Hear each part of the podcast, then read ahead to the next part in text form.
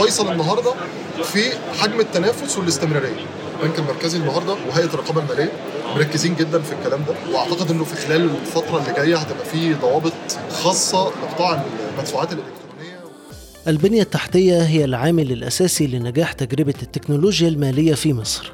التشريعات تلعب دور مهم في تهيئة مناخ الاستثمار في الفinتك.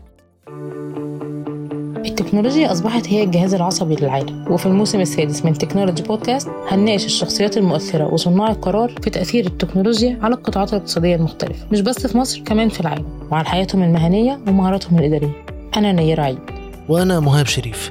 الموسم السادس من تكنولوجي بودكاست برعاية إي فاينانس.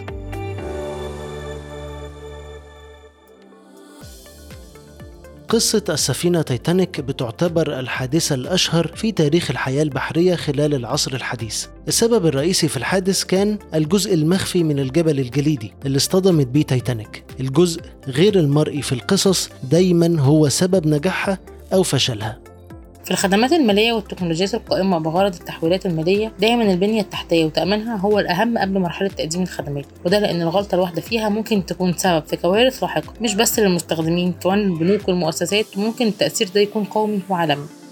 تقديم خدمات البنية التحتية للنوعية دي من الشركات بيحتاج دراسة قوية جدا وعدد كبير من الشركات المتخصصة في أكتر من مجال.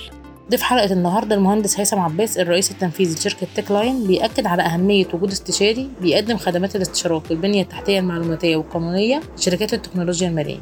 من ثلاث سنين في التكنولوجيا المالية أو الجزء بتاع ال fintech مختلف خالص عن دلوقتي. في آخر إعلان أنا أتذكره إحنا بنتكلم في أكتر من 120 شركة شغالة في التكنولوجيا المالية. وفي شركات كبيرة مدعومة من كيانات كبيرة زي البنك الأهلي زي تالي مثلا بنك القاهرة الأهلي ممكن في البنك الأهلي المصري أو الأهلي كابيتال. وفي كذا شركة يعني. السوق لسه طبعا هيستوعب شركات أكتر. طبيعي مع الفترة الجاية ال- زي ما بيقولوا السوق بيتغربل يعني. فهيبان أكتر شراكات ما بين الشركات دي. هيبقى في دمج ما بين بعض الشركات. في شركات هتستحوذ على شركات. ده هيبان في الفترة الجاية يعني في خلال السنتين اللي جايين هيبان. التنافسية في ال market ده كبيرة جدا بالذات مع وجود الكيانات الكبيرة اللي موجودة النهارده مستحوذة على معظم السوق يعني. فالشركات الناشئة ما عندهاش الرفاهيه انها تاخد وقت أو الشركات المتوسطة الحجم حتى انها تاخد وقت وانها تغلط وتصلح. لا إحنا بندي لها الحلول اللي هي تقدر تساعدها انها ال time to market بتاعها يبقى أقل ما يمكن وبسرعة. كام واحد عنده حساب بنكي في مصر؟ إحنا كام واحد يقدر يبقى عنده حساب بنكي في مصر؟ إحنا بنتكلم في حوالي 50 60 مليون. فال 50 60 مليون دول مش كلهم عندهم حسابات بنكية ومش كلهم لسه برضو للتكنولوجيا. إحنا بنتكلم الناس اللي بتصرف المعاش يا دوبك بيطلع الكارت بيروح يصرف المعاش وعلى هو النهارده يبقى كل مدفوعاته. اونلاين لا السوق يستحمل. ده غير بقى الجزء الثاني بتاع ال prepaid cards أو الكروت مسبقه الدفع اللي انت بتقدر تشحنها مش لازم يبقى عندك حساب بنكي. فدي برضو حاجة ثانية السوق ده في شركات كتير دلوقتي بتقدم الخدمة دي على كارت مسبق الدفع. في شركات تانية اللي هو BNPL اللي هو buy now pay later اللي هو جزء التقسيط زي فاليو وزي سيمبل وزي شركات تانية. برضو ده قطاع عريض من الناس ودي الشركات دي يعني كبرت بشكل آه، اطرادي زي ما بيقولوا بشكل عنيف جدا. في الفترة اللي فاتت مع كمان معدلات التضخم اللي موجودة و فالناس بقت أسهل بكتير. إن أنا النهارده بشتري الحاجة وبقسط على شهور كتير وعلى سنين كتير وبفايده أقل. فده برضو التنافسية فيها عالية وال market لسه مفتوح. ده غير بقى المدفوعات الإلكترونية اللي هو الفواتير والشحن على الطاير والكلام ده. يعني ال market كبير ويستوعب الشركات دي كلها. ولكن هو المتحكم النهارده أو الفيصل النهارده في حجم التنافس والاستمرارية.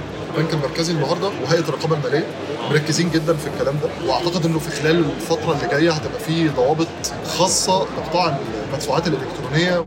التكنولوجيا المالية كخدمات تمثل مجال واسع ما زالت مصر أمامها الكثير من الفرص فيه ومؤخرا طرح البنك المركزي القواعد المنظمة لإنشاء البنوك الرقمية اللي من شأنها أن تحدث تغيير كبير في القطاع المصرفي المصري. قصة برضو البنوك الرقمية دي مش موجودة في مصر. البنك الرقمي هو بنك بدون فروع. هو بنك من الألف إلى الياء كله رقمي كله digital. أنت بتدخل أونلاين بتقدر تعمل حساب أونلاين بتقدر تطلع الكارت أونلاين. كل تعاملاتك بتبقى أونلاين. كل تعاملاتك مع البنك بتبقى من خلال الشات أو من خلال ال call center. مفيش فروع. فده بيسهل كتير. طبعا برضو الجزء ده محتاج ضوابط لأن أنت بالذات من ناحية أمن المعلومات وإزاي هتأمن المعلومات دي وال data دي؟ لأن دي أرقام كروت اونلاين و أنت كل تعاملاتك مفيش فروع دلوقتي مش تملى ورق. فده هيفرق جدا.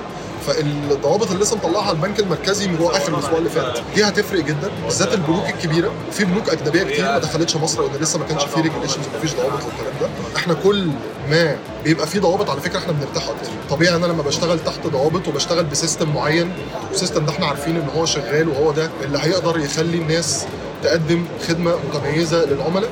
طبيعي ده بيريحنا إحنا كشركة وإحنا بنتعامل مع الشركات وجود الضوابط النهارده بيبقى زي ما بيقولوا في طريق إحنا ماشيين عليه وما فيهوش خلاف والناس خلاص عارفة راسها من رجلها. فطبيعي ده هيكبر حجم ال business. النهارده الناس بتشتغل شوية في حاجات كتير بيبقى فيها عشوائية شوية بس أنا ما أعتقدش إن ده هيبقى موجود في الفترة اللي جاية. تيك لاين بتوفر النوعية دي من الخدمات لعدد كبير من الشركات وعندها خطط طموحة لزيادة حجم أعمالها مع النمو الكبير بسوق التكنولوجيا المالية في مصر خلال الفترة المقبلة. إحنا بقالنا ثلاث سنين موجودين في السوق المصري شغالين مع أكبر الأسامي في التكنولوجيا الماليه في مصر وبنحاول النهارده إن إحنا نعرف الناس والشركات المتوسطة وال startups عن المنتجات بتاعتنا والخدمات اللي إحنا بنقدر نقدمها في دعم الشركات اللي بتقدم خدمات التكنولوجيا المالية والمدفوعات من البنية التحتية ال infrastructure ال IT والجزء بتاع ال compliance أو ال security أو الأمن المعلومات البنك المركزي التعامل مع البنك المركزي ورخص البنك المركزي إحنا بنقدر ندعم الشركات ونقدم لهم خدمات في الجزء الخاص بالتكنولوجيا أو ال IT. وفي نفس الوقت برضه بنقدر نديلهم جزء الاستشارات consultation في الجزء بتاع ال FinTechs والتكنولوجيا والمدفوعات الإلكترونية. الشراكة بتاعتنا مع فيوتشر إكس. دي شركة أمريكية متخصصة في ال cryptography والتشفير وهم داخلين مصر معانا بشراكة معانا إن شاء الله. ده أول إعلان. الإعلان الثاني النهارده إحنا بنعلن عن ال product بتاعنا هو payment switch اللي هو متخصص في عمليات المدفوعات الإلكترونية والكروت الائتمانية. إحنا مركزين قوي على قطاع ال FinTechs أو التكنولوجيا المدفوعات. إحنا أكبر العملاء بتوعنا فوري الاهلي ممكن دول أكبر شركتين. اللي إحنا بنتعامل معاهم في شركات تانية يبقى شركات تانية صغيرة ومتوسطة. إحنا بنساعدهم في بناء البنية التحتية بتاعتهم. دي نقطة. النقطة التانية بندي لهم استشارات في السولوشنز أو الحلول بتاعتهم سواء اللي هم عاملينها أو بانيينها هم بنفسهم. بنقدر نساعدهم في إنها تخرج بأحسن شكل.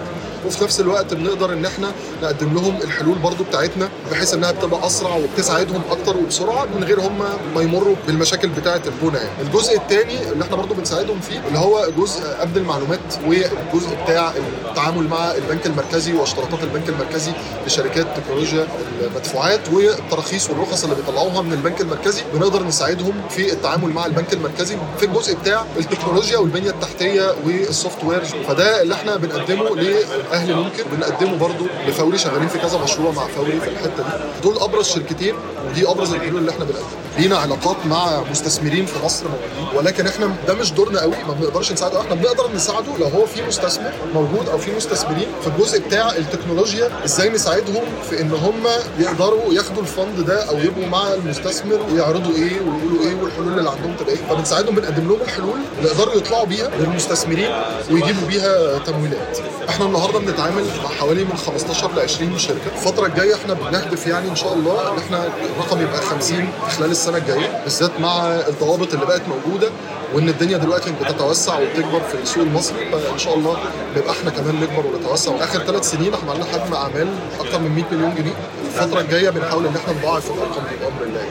هيثم عباس كان واحد من المؤسسين لقطاع التكنولوجيا المالية. من خلال عمله في شركات مختلفة ساعدته على الوصول بالخبرات دي لشكل شركته الحالي اللي بتقدم خدمات تأهيل للشركات للعمل في التكنولوجيا المالية سواء في مصر أو في الخارج.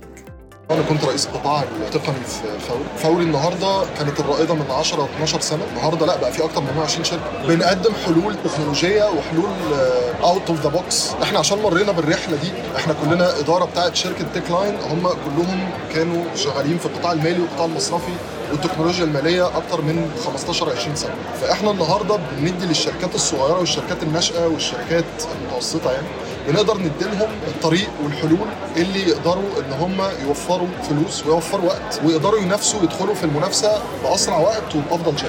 ده اللي إحنا بنحاول نعمله النهارده مع الشركات.